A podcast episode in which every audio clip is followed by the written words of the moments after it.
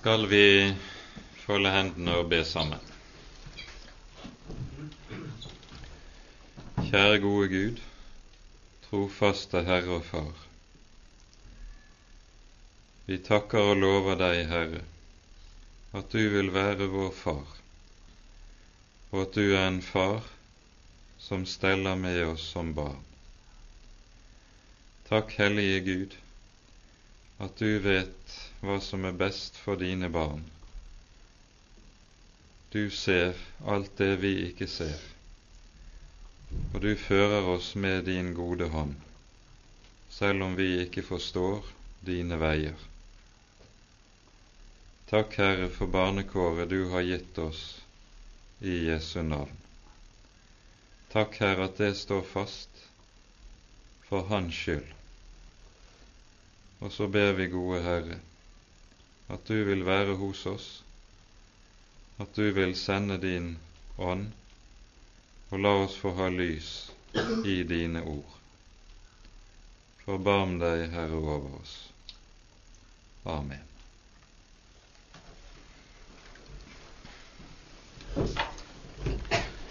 Det vi nå skal eh, ha for oss fra beretningen om Josef, kommer vi til å dele inn slik at vi i dag kommer til å ta for oss avsnittet fra kapittel 37 til og med kapittel 41, der vi vel kan si det slik at vi her først og fremst ser hvorledes Herren tar seg av, steller med og holder oppe Josef gjennom stor nød og trengsel, mens vi i det neste hovedavsnittet, avslutningen på Første Mosebok, ser hvorledes det at Josef har kommet til Egypt, det blir til frelse for hele Jakobs hus. Det er altså slik at Josefs nød og lidelse ved at han kommer til Egypt, blir til hele hans hus sin frelse. Og På denne måten så blir også Josef et av de klareste og sterkeste bildene, eller forbildene, som vi har i Det gamle testamentet på Herren Jesus, som også forkastes av sine brødre, og ved sin forkastelse nettopp blir til sine brødres frelse. Her er det altså det store forbildet vi har i Josefs person. Men det er altså også slik at Josef må gå gjennom dype vann, og gjennom denne nøds- og trengselstid som Josef må så steller og arbeider Gud med ham og med hans hjerte. Vi hører om eh, Josefs fødsel allerede i det 30. kapittel i Første Mosebok. Her hører vi det berettes om dette i vers 22 til 24.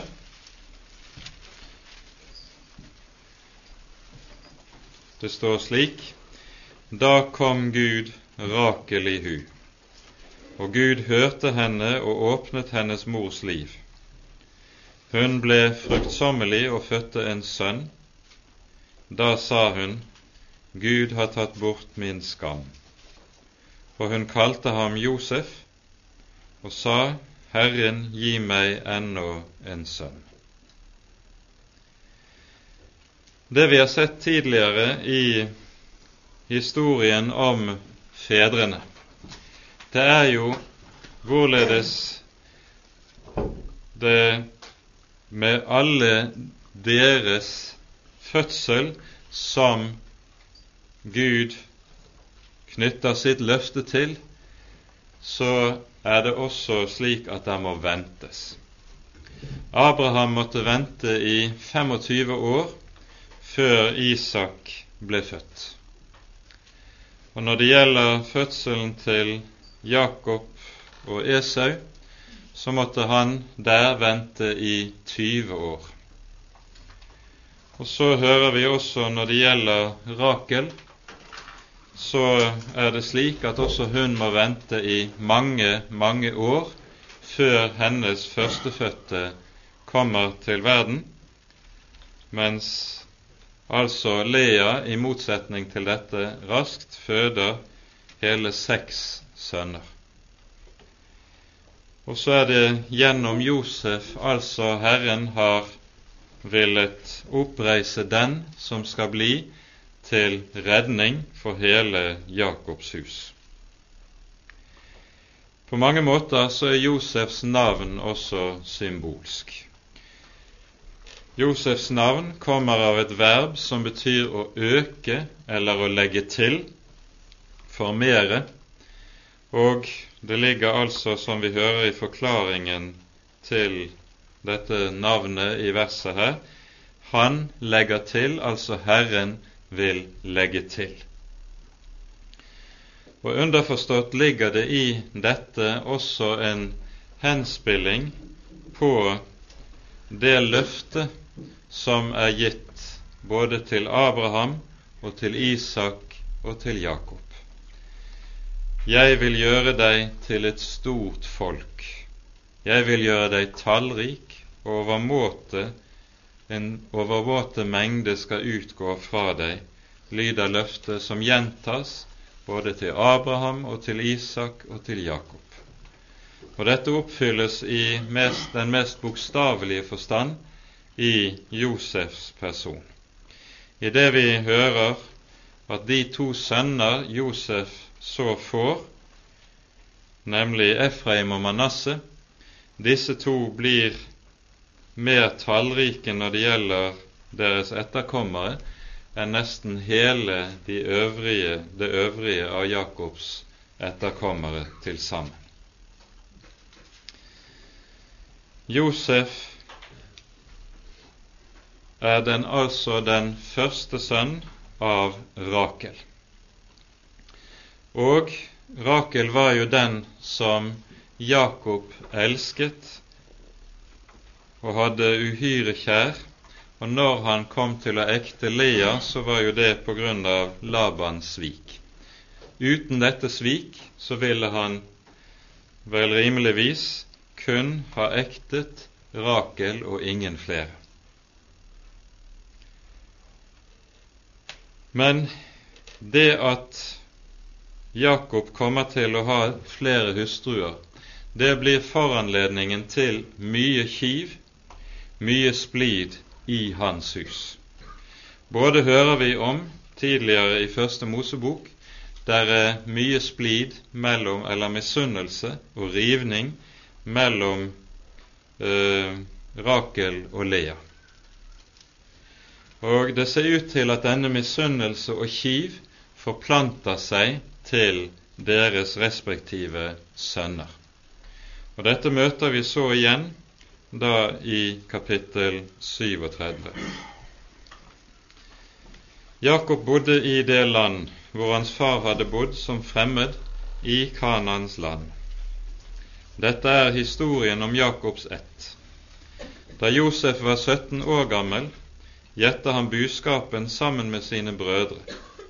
Ung som han var, fulgte han med sønnene til Bilha og Silpa, sin fars medhustruer, og alt det onde som ble sagt om dem, gikk han til deres far med. Men Israel hadde Josef kjær fremfor alle sine sønner, fordi han var hans alderdomssønn, og han hadde latt gjøre en si kjortel til ham. Og da hans brødre så at deres far hadde ham mer kjær enn alle hans brødre, hatet de ham og kunne ikke tale vennlig til ham. Her hører vi altså om dette fiendskapet som nokså tidlig gjør seg gjeldende. Vi skal også være oppmerksom på at det er en meget dyp forskjell i karakter på Leas sønner og på Rakels to sønner. Dette ser vi meget tydelig når Josef kommer til Egypt. Han er i besittelse av en dyp gudsfrykt som helt, på helt iøynefallende vis mangler hos Leas sønner. Hos Leas sønner finner vi i motsetning til dette både den største råskap, som vi husker f.eks. når Simon og Levi slår i hjel alle Sikkems innbyggere, som vi leser om i kapittel 34, eller hos en lidderlighet som vi finner hos en Ruben som legger seg hos en av sin fars medhustruer, eller noe tilsvarende også hos Juda, som pleier omgang med prostituerte. Det er ikke noe vakkert trekk hos, som vi finner hos Leas sønner. Og denne både råskap og villskap som vi finner blant disse sønnene, den finner, og henter næring med at vi ser at de knytter ganske tett kontakt med Kanans innbyggere. Og mer og mer begynner de altså å preges av den kananittiske ånd som fra, eller fra omgivelsene omkring. Dette medvirker jo ikke akkurat til å bygge bro imellom brødrene, der det allerede var splid fra mødrenes side, så vil forskjellen på brødrene utdype dette. Og når det da kommer i tillegg at Jakob opptrer så uklokt som han gjør, at han så åpenlyst viser hvorledes han foretrekker og elsker Josef fremfor de øvrige sønnene, så må det føre til dypere og dypere rivninger og motsetninger inn, innbyrdes i brødreflokken. Og når det da sies, som vi hører det, at Jakob lar gjøre en si kjortel til Josef, så er det slik at en sånn si kjortel, det var i datiden eh, det plagget som de rike, som overklassen, gikk kledd i. Mens eh, Og det var tegn på at den nettopp var velstående og hørte med til overklassen, fordi en som gikk i en si kjortel, han kunne ikke drive fysisk arbeid. De som drev fysisk arbeid, de måtte gå i mye kortere og enklere klær som ikke hindret dem i arbeidet. Så Jakob har med dette vist hvorledes han har både Josef mer kjær enn brødrene, og antagelig også har i sinne å gi Josef førstefødselsretten fremfor Leas sønner, som likevel alle sammen er eldre enn Josef. Leas sønner har jo på enhver måte vist at de er uskikket i åndelig forstand til å være arvinger til Abrahams eh, til å være bærere av Abrahams løfte og Abrahams arv likevel at Jakob så synlig gjør forskjell på brødrene, så de merker dette. I det ligger der en stor uklokskap som foreldre av og til gjør seg skyldig i, å vise forkjærlighet for ett barn fremfor andre. Det bør foreldre aldri gjøre. Vel, Hatet fra brødrenes side utfolder seg så. Vi hører det allerede her i vers 4. De hatet ham og kunne ikke tale vennlig til ham. Det står bokstavelig i grunnteksten.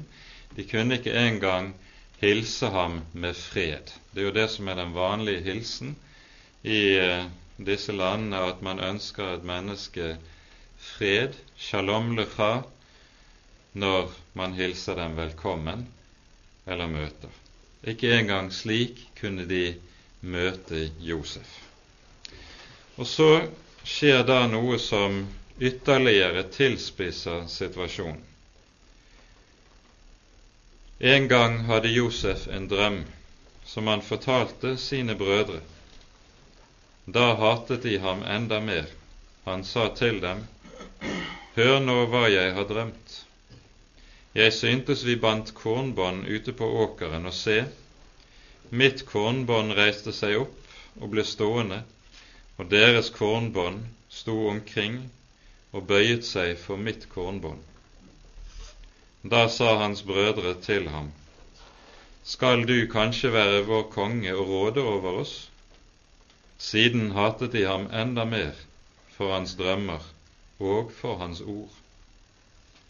Og han hadde ennå en annen drøm og fortalte den til sine brødre og sa:" Jeg hadde ennå en drøm, og se, solen og månen og elleve stjerner bøyde seg for meg. Og da han fortalte det til sin far og til sine brødre, kjente hans far på ham og sa til ham:" Hva er dette for en drøm du har hatt? Skal da jeg og din mor og dine brødre komme og bøye oss til jorden for deg. Og hans brødre var misunnelige på ham, men hans far gjemte det i sitt minne.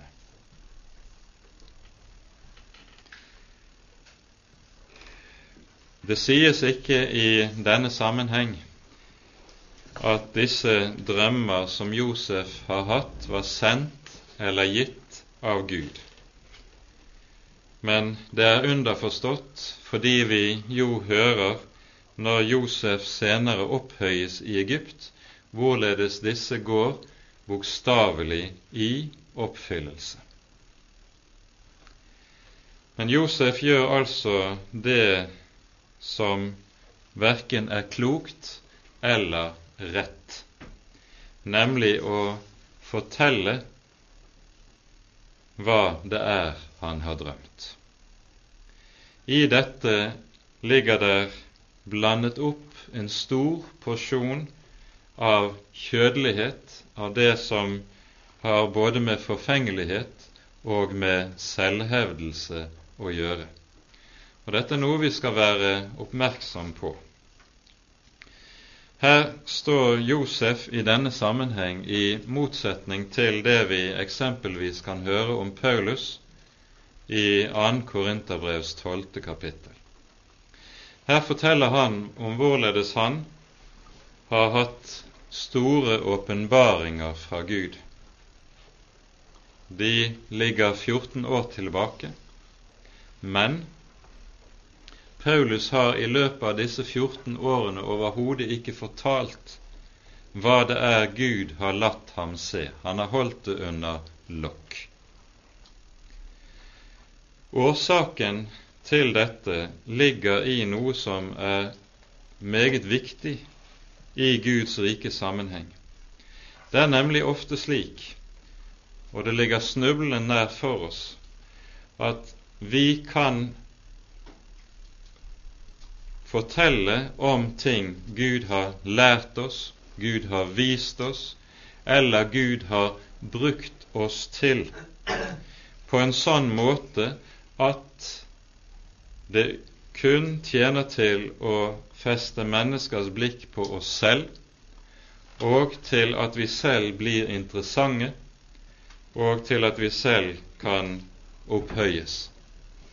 Vi bruker altså noe som Gud gir, lærer eller viser eller bruker til så å si til egen vinning, til selv å kunne bli noe og være noe og regnes for noe.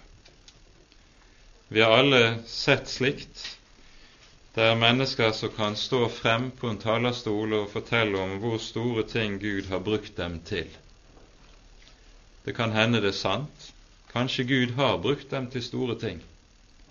Men gjennom måten det sies på, så blir disse store på hva Gud har gjort.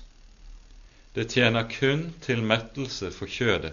Det er Bibelens uttrykk for slike ting. Og Dette lærer oss noe som er uhyre viktig.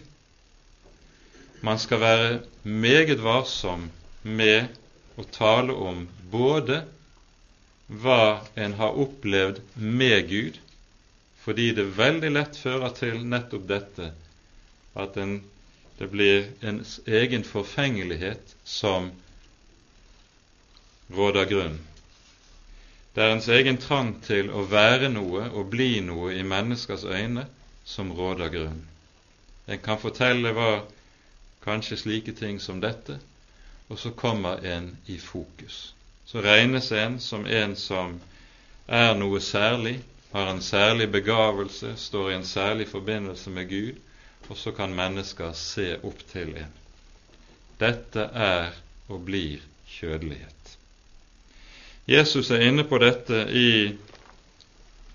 Lukasevangeliets tiende kapittel, og vi skal legge merke til hva Jesus i denne sammenheng sier. Lukas 10, og vi leser her fra vers 17.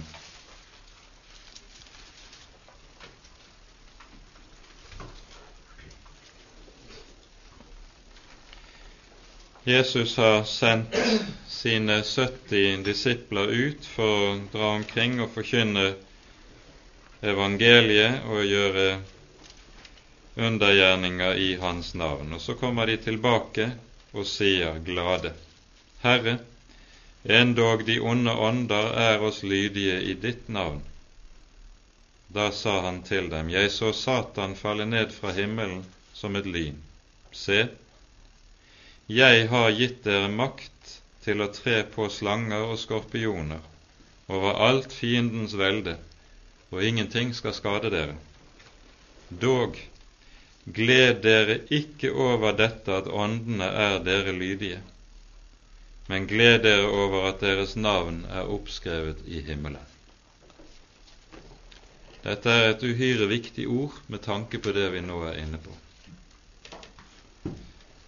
Og det skal lære oss noe om dette å være varsom med hva man taler om for andre mennesker. Ikke minst skal man være varsom med det fra en talerstol, for ikke å falle i denne grøft. Det er noe av dette som ligger bak når vi hos Josef hører om hvorledes han kan tale om det som ligger foran, og fortelle om ja, så skal både brødre og foreldre bøye seg for ham. Ja, så er det trangen til selvhevdelse som blander seg med noe som er gitt av Gud. Når det handler om slike ting, må Han som er Herre, da ty til skarp lut for å rense og lutre ut, for å smelte slaggene ut fra sølvet. Og så blir det da slik at det som Josef her forteller, det blir noe av det som er med å åpne døren inn til den trengselstid som Josef nå skal inn i. Vi leser videre fra vers 12. En gang gikk hans brødre av sted for å gjete sin fars buskap i Sikkem.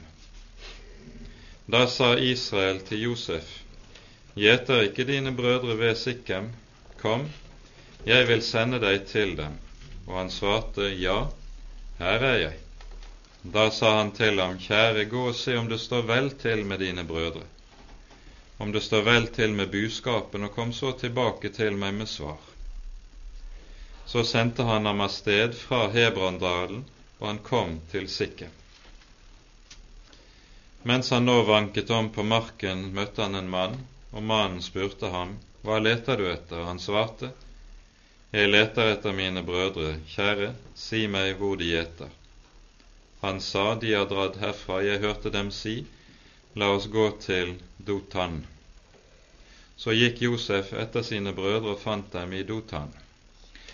Det er da slik at fra Hebron til Sikkem er det en ca. åtte norske mil å vandre.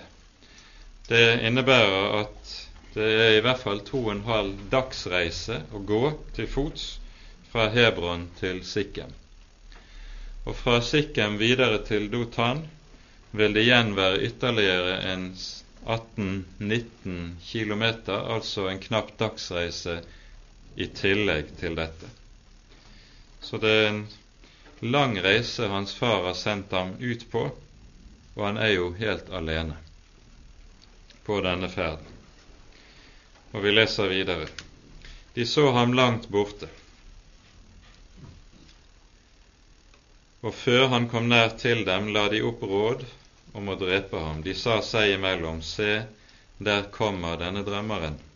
Kom nå, og la oss slå ham i hjel, og kaste ham ned i en av brønnene her, og så vil vi si, et vilt dyr har spist ham opp. Så får vi se hva det blir til av hans drømmer. Da Ruben hørte dette, ville han fri ham ut av deres hender og sa, La oss ikke slå ham i hjel. Han sa til dem, Utøs ikke uskyldig blod. Kast ham ned i denne brønnen her i ørkenen, men legg ikke hånd på ham, for han ville fri ham ut av deres hånd og føre ham tilbake til hans far. Da nå Josef kom til sine brødre, kledde de av ham hans kjortel, den side kjortel som han hadde på, og de tok og kastet ham ned i brønnen men brønnen var tom, det var intet vann i den. Så satte de seg til å holde måltid, og da de så opp, fikk de se et reisefølge av ismailitter som kom fra Gilead, og deres kameler bar krydderier og balsam og ladanum, de var på vei med dette ned til Egypt. Da sa Juda til sine brødre, Hva gagner det at vi slår vår bror i hjel og skjuler drapet? Kom og la oss selge ham til ismailittene, men la oss ikke legge hånd på ham, han er jo vår egen kjødelige bror. Og hans brødre gjorde som han sa. Da nå de midjanittiske kjøpmenn kom forbi, dro de Josef opp av brønnen, og så solgte de Josef til ismailittene for 20 sekel sølv. Og ismailittene tok Josef med seg til Egypt. Da Ruben kom tilbake til brønnen, fikk han se at Josef ikke var i brønnen. Da sønderrev han sine klær. Og han gikk tilbake til sine brødre og sa, Gutten er der ikke, og jeg, hva skal jeg gjøre av meg? Så tok de Josefs kjortel, slaktet en geitebukk og dyppet kjortelen i blodet. Og de sendte den side kjortel hjem til faren og sa, Denne har vi funnet, Se etter om det ikke er din sønns kjortel. Og han kjente den igjen og sa, Jo, det er min sønns kjortel. Et vilt dyr har spist ham opp, Josef er visselig revet i hjel. Og Jakob sønderrev sine klær, bandt sekk om sine lender og sørget over sin sønn i lang tid. Og alle hans sønner og alle hans døtre kom for å trøste ham. Men han ville ikke la seg trøste, men han sa, med sorg må jeg fare ned til min sønn i dødsriket, og hans far gråt over ham. Men midjanittene solgte ham i Egypt, til Potifar, som var hoffmann hos farao og høvding over livvakten. Med dette begynner altså Josefs trengselstid. Han nå har hatet fra brødrene sin side slått ut i full blomst og båret sin frukt. Og det er med nød og neppe at Josef ved denne anledning berger livet. Det er Juda som uh, vek er han fordi han tør ikke å stå opp imot brødrene og tale de like imot og si 'dette kan vi ikke gjøre', men han går en sånn halvkvedet vei, sånn at han via et kompromiss i hvert fall unngår at Josef mister livet, men han selges dog til trell. De, 20 sekel som det her er tale om, det var datidens vanlige pris for en trell mellom fem år og 20 års alder, mens en trell over 20 års alder opp til 50 når han er i full arbeidskraft, han ville selges for 30 sekel. Så kommer altså Josef til Potifar, og fra innskrifter i egyptiske gravkamre så vet vi at dette var et meget vanlig navn i Egypt. Det er et navn som betyr 'innviet til Ra'. Ra var den egyptiske solguden, og Potifar det har altså denne betydningen i egyptisk språk. Vi går videre. Vi hopper over kapittel 38, som i denne sammenheng er en parentes, og vi kommer til kapittel 39. Josef ble ført ned til Egypten, og Potifar, en egypter som var hoffmann hos farao og høvding over livvakten, kjøpte ham av ismailittene som hadde med seg dit. Men Herren var med Josef, så alt lyktes for ham, og han vedble å være i huset hos sin herre, egypteren. Da hans herre så at Herren var med ham, og at Herren lot alt det han gjorde, lykkes for ham, fant Josef nåde for hans øyne, og fikk gå ham til hånde, og han satte ham over sitt hus, og alt det han hadde, la han i hans hender. Helt fra ti, den tid han hadde satt ham over sitt hus og over alt det han hadde, velsignet Herren egypterens hus for Josefs skyld. For Herrens velsignelse var over alt det han hadde, både huset og på marken. Og han overlot alt det han hadde i Josefs hender, og han så ikke til ham i noe, uten med den mat han selv åt og Josef var vakker av skapning og vakker å se til. Ved denne tid, når Josef altså kommer ned til Egypt, så er han ikke fylt 20 år, antagelig 18-19 år gammel. Og hvor lang tid han blir værende her i Potifars hus, det vet vi ikke. Vi har to tidfestinger i Josefs historie her. Det sies i begynnelsen av kapittel 37 at han er 17 år gammel ved den tid han har disse drømmene. Og vi hører i kapittel 41 at Josef er 30 år gammel når han føres frem for farao. Så hvordan vi skal fordele tiden her mellom Potifars hus og den tid Josef må tilbringe i fengselet, det vet vi ikke. Men la oss si at Josef stiger i gradene, for å bruke det uttrykket, hos, i, hos Potifar i løpet av noen få år, og at han da er i Potifars hus i en fire, fem, seks år, så vil dette være omtrent det. Her i det som sies om Josefs tjeneste i Potifars hus, skal vi merke oss to hovedsaker. For det første begynner vi å merke oss Josefs Guds frykt som kommer til uttrykk i hans tjeneste. Josef er trell, og treller hadde det den gang som senere aldri så helt enkelt. I Det nye testamentet finner vi formaninger til hvordan trellene skal skjøtte sitt arbeid for sine husherrer. I Kolossene 3 sies det slik. Dere tjenere, det står bokstavelig altså dere treller, Vær lydige i alle ting mot deres herrer etter kjødet, ikke med øyentjeneste som de som vil tekkes mennesker, men i hjertets enfold, i det dere frykter Herren. Det dere gjør, gjør da hjertet som for Herren og ikke for mennesker. For dere vet dere skal få arven til lønn av Herren. Tjen den Herre Kristus. Det det pekes på i denne sammenheng, er uhyre betydningsfullt.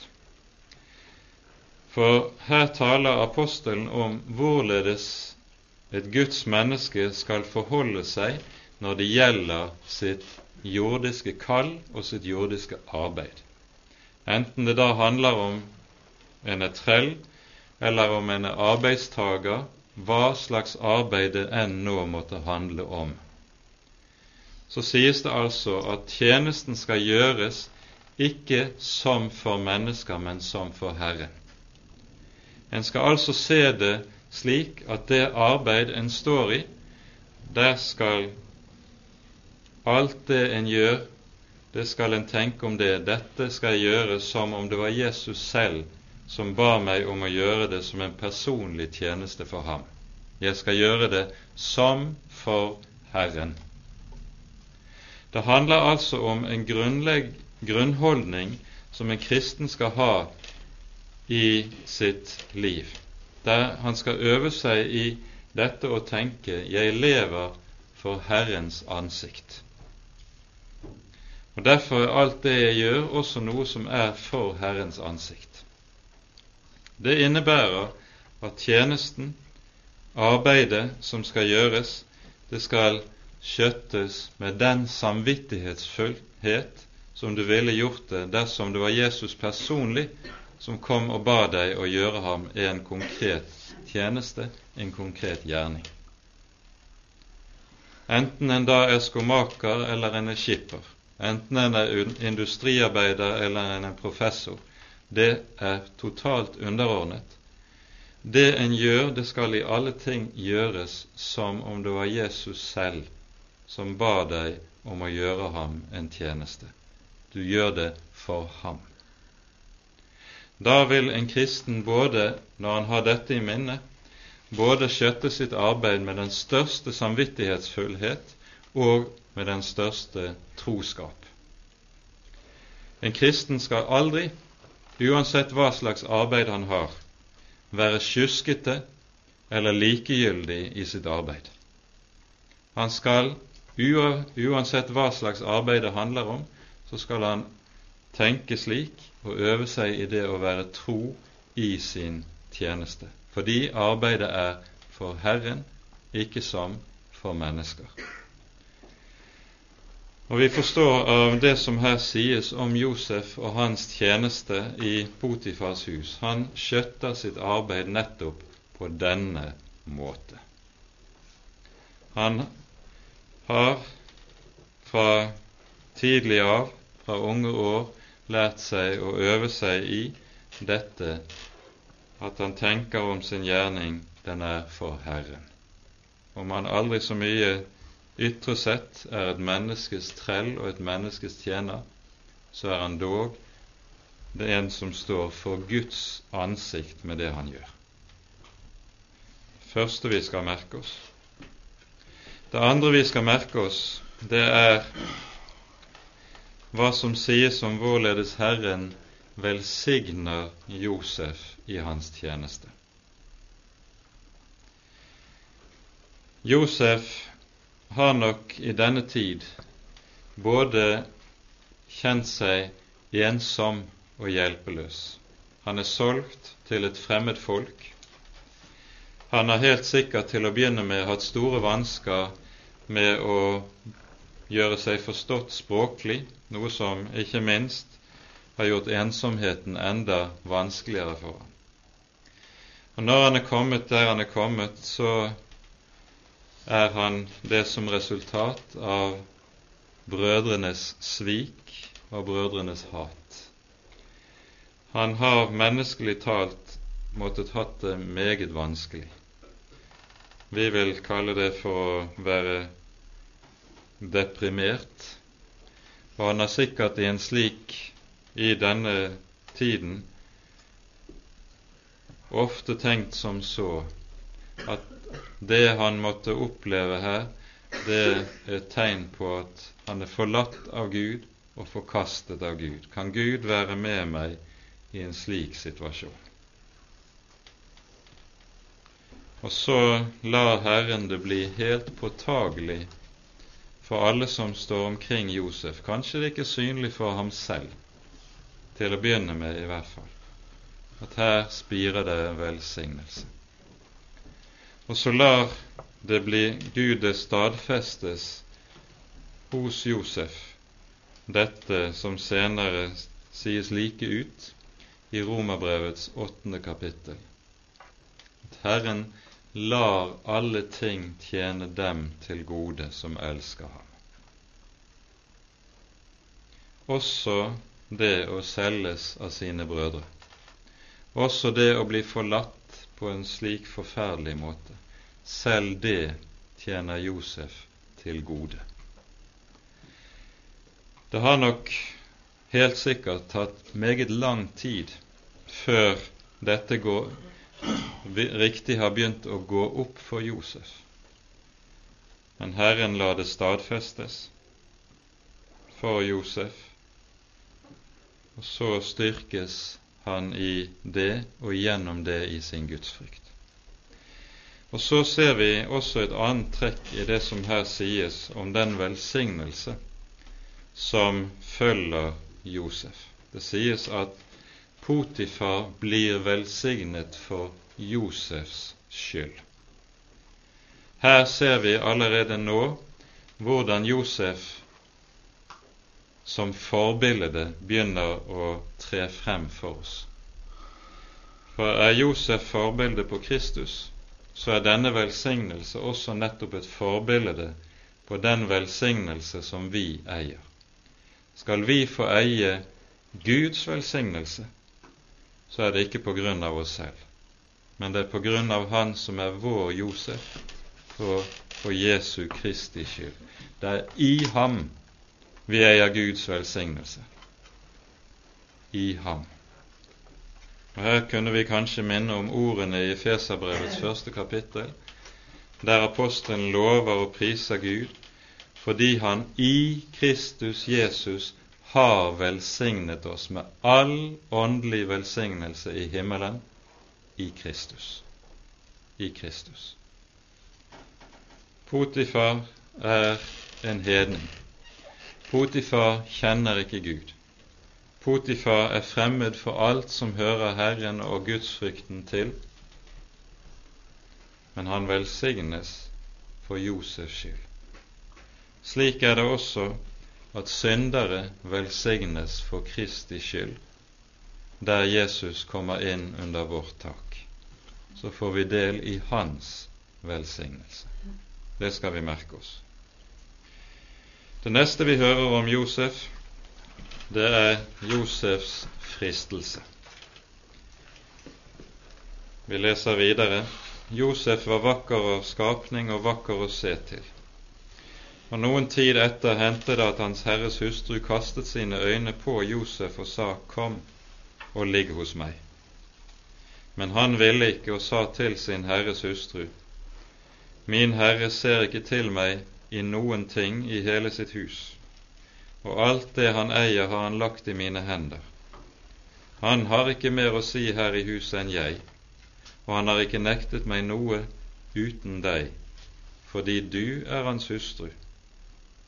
Hvorledes skulle jeg da gjøre denne store ondskap og synde mot Gud?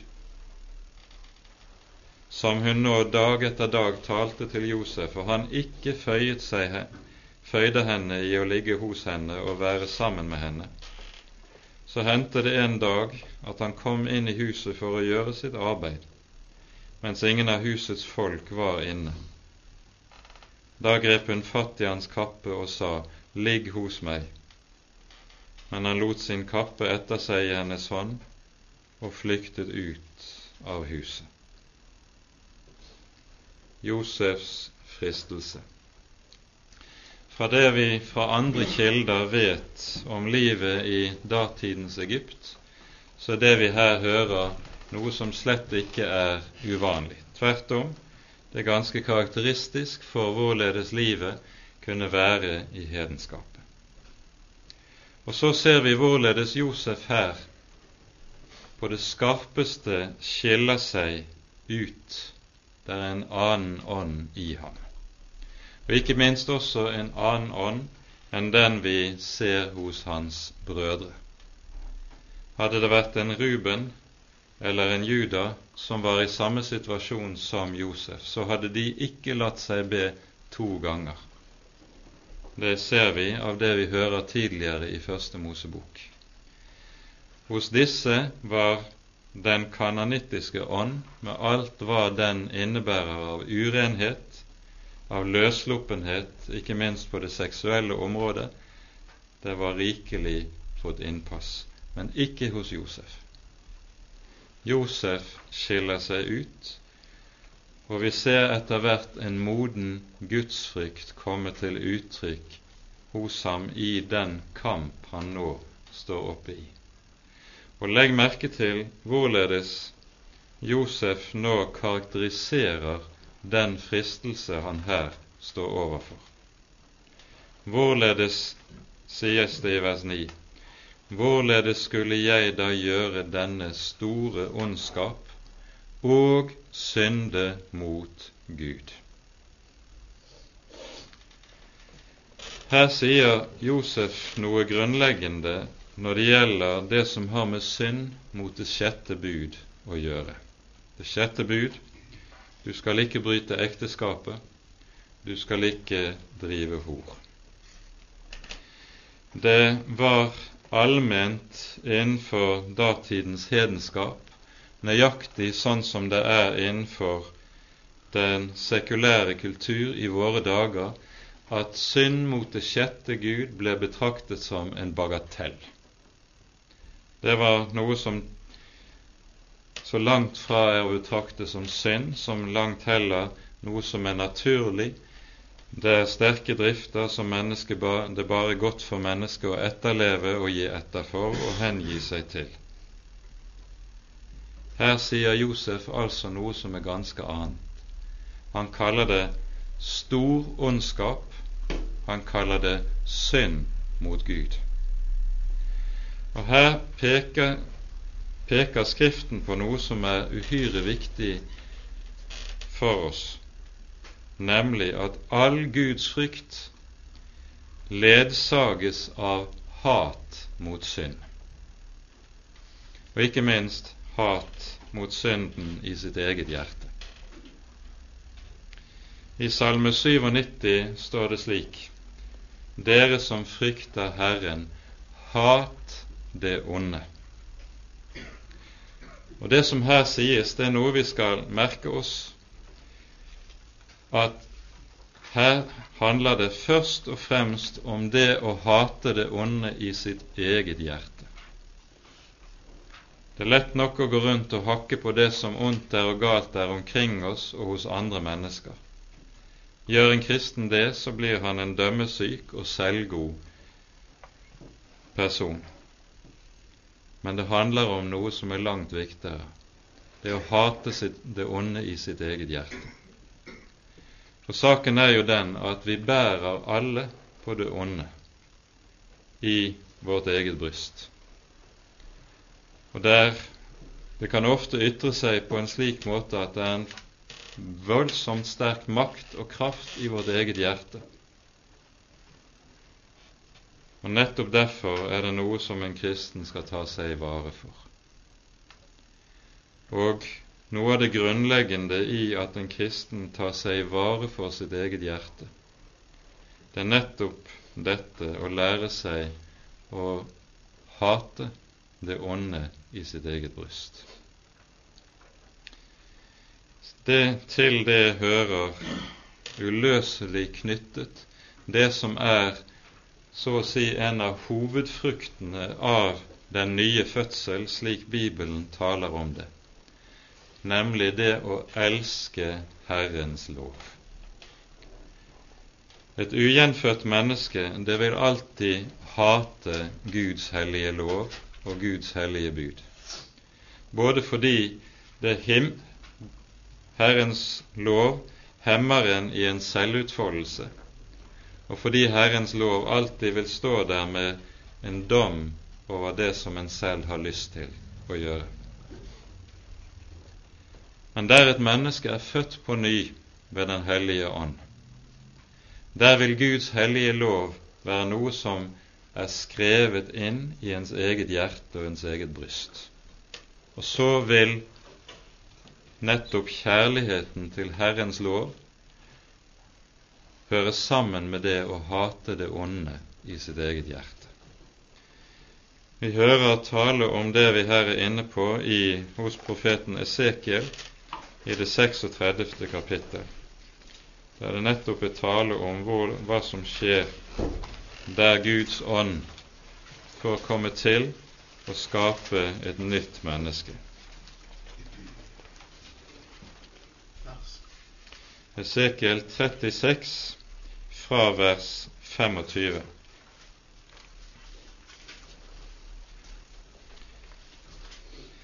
Jeg vil sprenge rent vann på dere, og dere skal bli rene. Fra alle deres urenheter og fra alle deres motbydelige avguder vil jeg rense dere. Jeg vil gi dere et nytt hjerte, og en ny ånd vil jeg gi inni dere. Jeg vil ta bort steinhjertet av deres kjød og gi dere et kjødhjerte. Min ånd vil jeg gi inni dere, og jeg vil gjøre at dere følger mine bud og holder mine lover og gjør etter dem. Det som vi her hører, betyr jo ikke at en kristen er ferdig med synden. Det betyr ikke at en kristen er syndfri.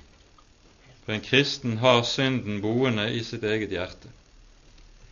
Men en kristen er to personer. Han har det gamle mennesket hos seg, som sannelig har lyst til det onde men han er samtidig det nye mennesket, som er kjennetegnet ved det vi her er inne på, og som står det gamle mennesket imot. Og Den kristne kamp består av kampen mellom disse to personer som bor i mitt eget bryst. Kampen mellom det gamle og det nye mennesket. Det er denne kampen vi også er vitne til i det vi her hører om Josef i Første Mosebok. Og vi ser hvorledes det hos ham er slik at det nye mennesket har overhånd. Hvorledes kunne jeg gjøre denne store ondskap og synde mot Gud? Så vet vi hvordan det her går videre. Potifars hustru sin lidenskap når den ikke mettes, så slår den ut i sin motsetning. Hun legger Josef for hat. Hun bruker anledningen og anklager Josef for forsøk på voldtekt. Og så leser vi videre fra vers 5, 13. Da hun så at han hadde latt sin kappe etter seg i hennes hånd og var flyktet ut av huset, ropte hun på sine husfolk og sa til dem, Se her har han ført en hebraisk mann hit til oss for å føre skam over oss. Han kom inn til meg for å ligge hos meg, men jeg ropte så høyt jeg kunne. Og da han hørte at jeg satt i å rope, lot han sin kappe etter seg hos meg og flyktet ut av huset. Så lot hun hans kappe bli liggende hos seg til hans herre kom hjem. Da talte hun likedan til ham og sa, Den hebraiske trell som du førte hit til oss, kom inn til meg for å føre skam over meg. Men da jeg satt i å rope, lot han sin kappe etter seg hos meg og flyktet ut av huset. Da nå Hans Herre hørte hva hans hustru fortalte, hvorledes hun sa, således har din trell gjort mot meg, da opptentes hans vrede. Og Josefs herre tok og satte ham i fengselet, der hvor kongens fanger holdtes fengsles, og han ble sittende der i fengselet. På ny inn i mørket, på ny inn i dype vann, som Josef her må oppleve. Og nå er det tale om uskyldig lidelse i ordets egentlige forstand. Det Josef her må gjennomleve, er omtalt i Salmenes bok i Salme 105.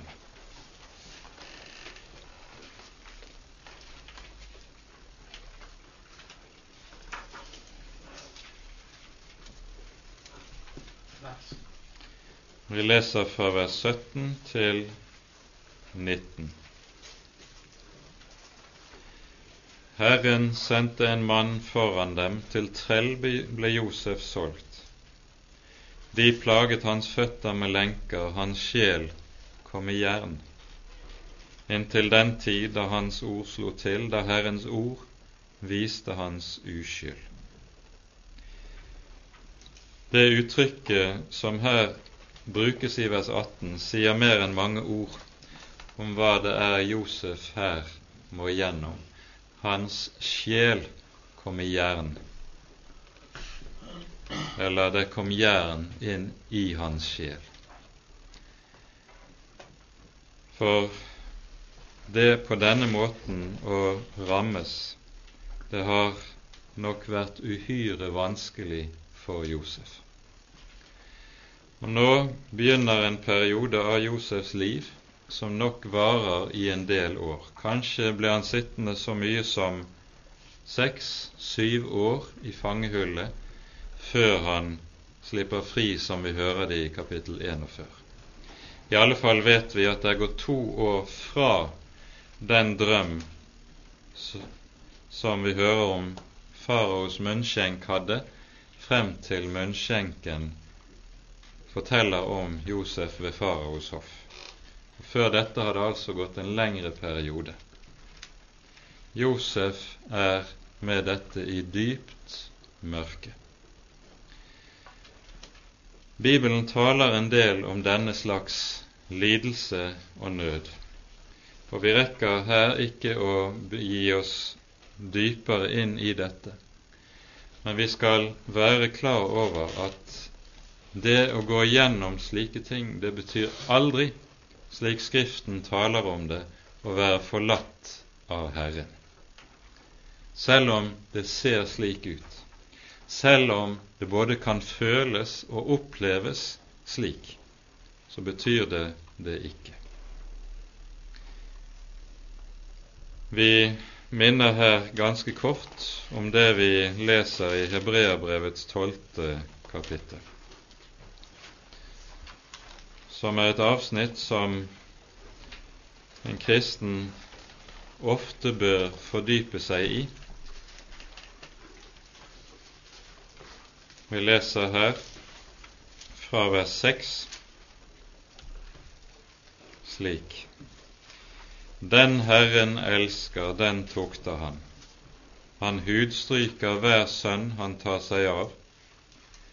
Det er for tuktens skyld dere tåler lidelse. Gud gjør med dere som med sønner, for hvem er den sønn hans far ikke tukter? Men er dere uten tukt, som alle har fått sin del av, da er dere uekte barn og ikke sønner. Dessuten, våre kjødelige fedre hadde vi til opptuktere, og vi hadde ærefrykt for dem. Skal vi da ikke meget mer være lydige mot åndenes far, så vi får leve? For hine tuktet oss for noen få dager etter sitt eget tykke, men han tukter til vårt gagn for at vi skal få del i Hans hellighet. Og merk dette 'for at' som står i dette verset. Han tukter til vårt gagn for at vi skal få del i Hans hellighet. Det som gjør lidelse riktig tungt for et kristent menneske, det er ikke alltid smertens størrelse.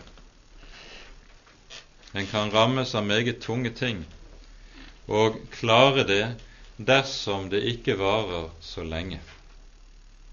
Men dersom det varer, dersom det varer lenge, dersom det varer så lenge at det ser ut som det har ingen ende. Denne tunnelen tar ikke slutt. Da er det det virkelig begynner å røyne på. Det er da det virkelig blir tungt. Og da er det vi skal være klar over at når det gjelder å virke slike ting i et menneskes liv som det vi hører om her i Hebreane 12, for at vi skal få del i Hans hellighet, så trengs det tid. Det er noe, dette er nemlig ikke noe som går med et knips. Det er ikke noe som går bare ved å trykke på knapper.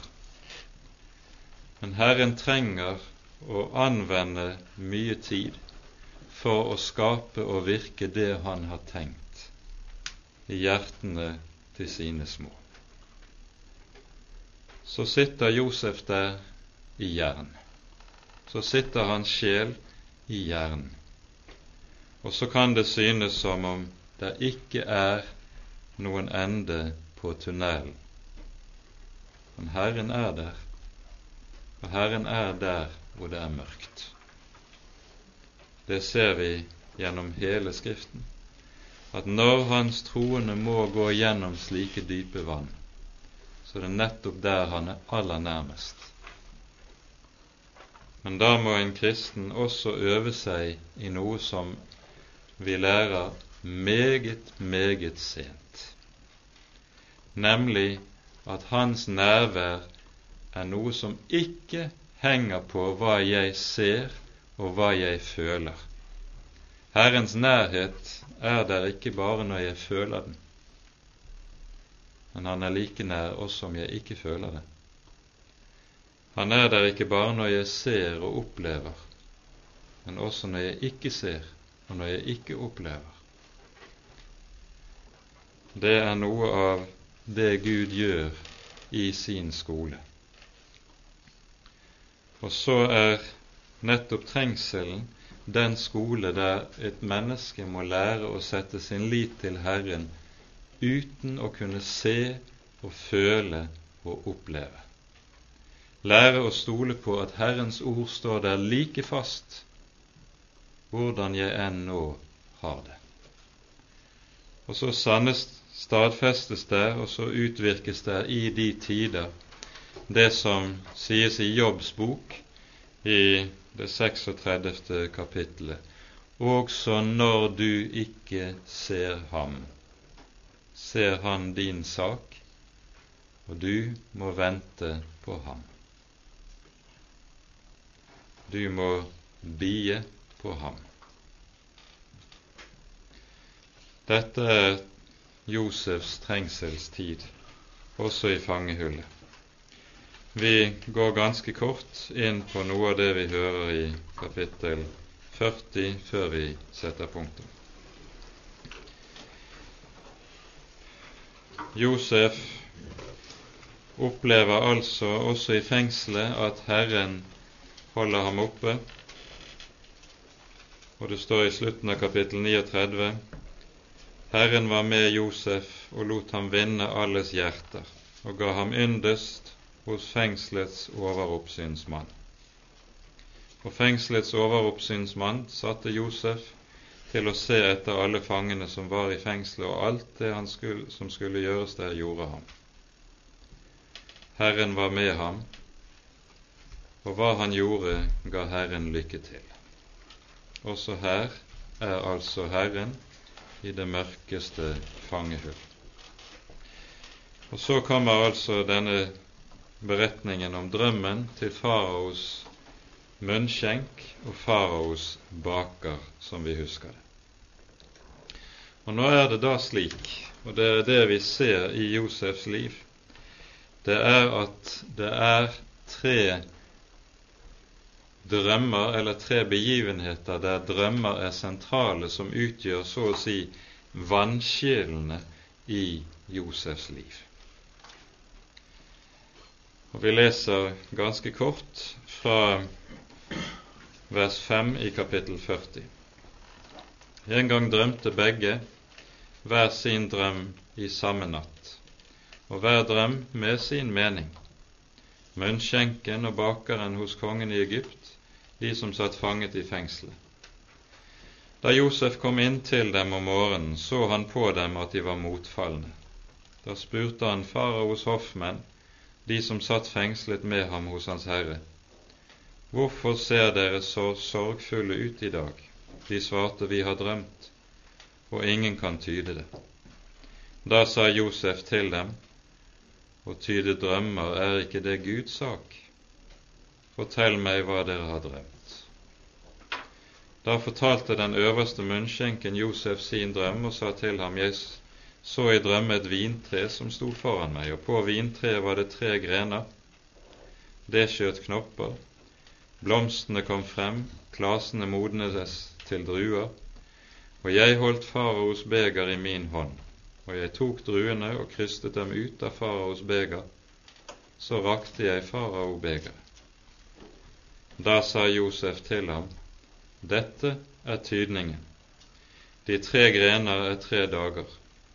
Om tre dager skal farao opphøye deg og sette deg i ditt embete igjen, og du skal rekke farao begeret som du gjorde før, da du var hans munnskjenk. Men kom meg i hu når det går deg vel, og vis barmhjertighet mot meg, så du taler om meg for farao og hjelper meg ut av dette hus. For de har stjålet meg fra hebreernes land, og heller ikke her har jeg gjort noe som de kunne sette meg i fengsel for. Da den øverste baker så at Josef hadde gitt en så god tydning, sa han til ham, også jeg hadde en drøm og syntes jeg så jeg bar tre kurver med hvetebrød på mitt hode. I den øverste kurv var det all slags bakverk, sånt som farao pleier å ete, og fuglene åt det av kurven på mitt hode. Da svarte Josef og sa, Dette er tydningen. De tre kurver er tre dager. Om tre dager skal farao opphøye deg, hogge hodet av deg og henge deg på et tre, og fuglene skal ete kjøttet av deg. Den tredje dag, da det var faraos fødselsdag, gjorde han et gjestebud for alle sine tjenere. Han opphøyet den øverste munnskjenk og den øverste baker iblant sine tjenere.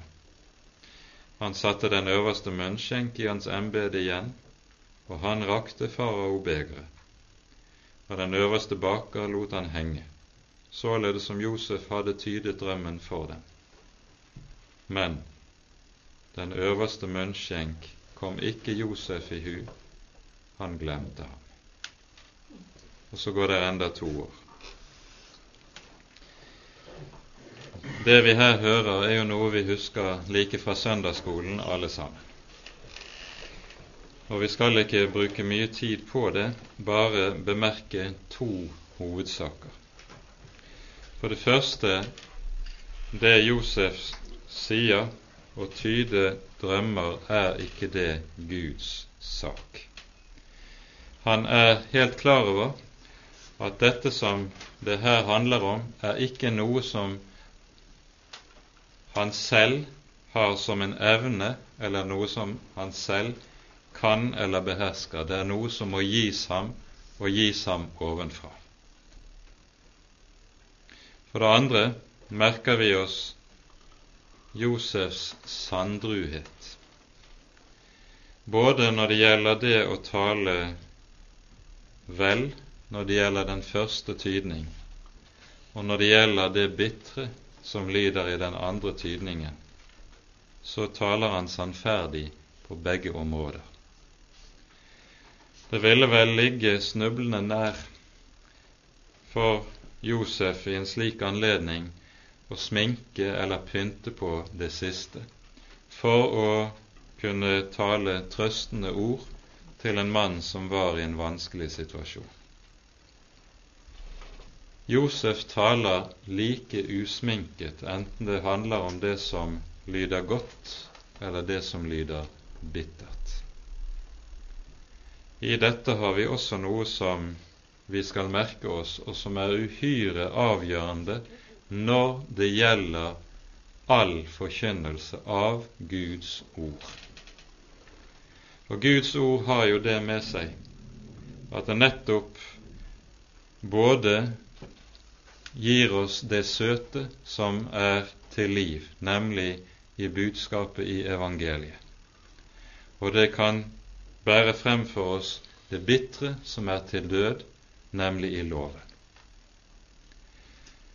Altfor ofte er det blitt slik i de siste år, ja vi kan vel tale om hele etterkrigstiden, er preget av det at man ønsker å skjønnmale og dekke over og tilhylle det loven taler når den taler hardt, klart og forkynner døden for mennesker.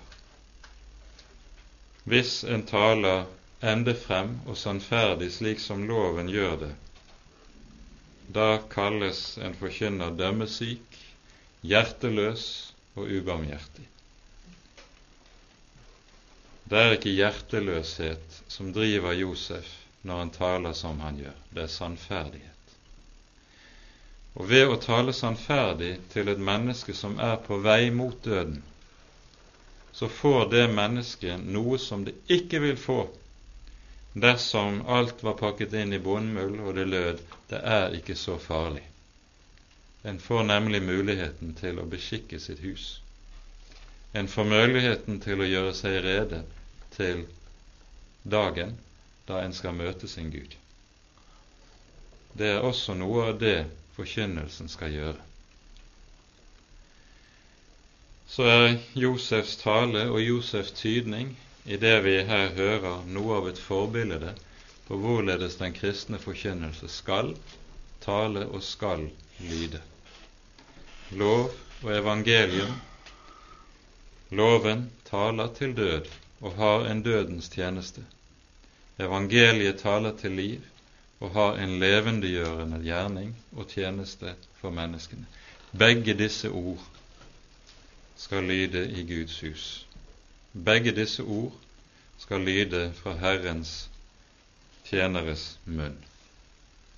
For det er det Jesus har gitt i oppdrag når han har sendt ut sitt ord. Med det tror jeg vi skal sette punktum. Vi rekker ikke mer i dag. Ære være Faderen og Sønnen og Den hellige ånd, som var og er og være skal en sann Gud, høylovet i evighet. Amen.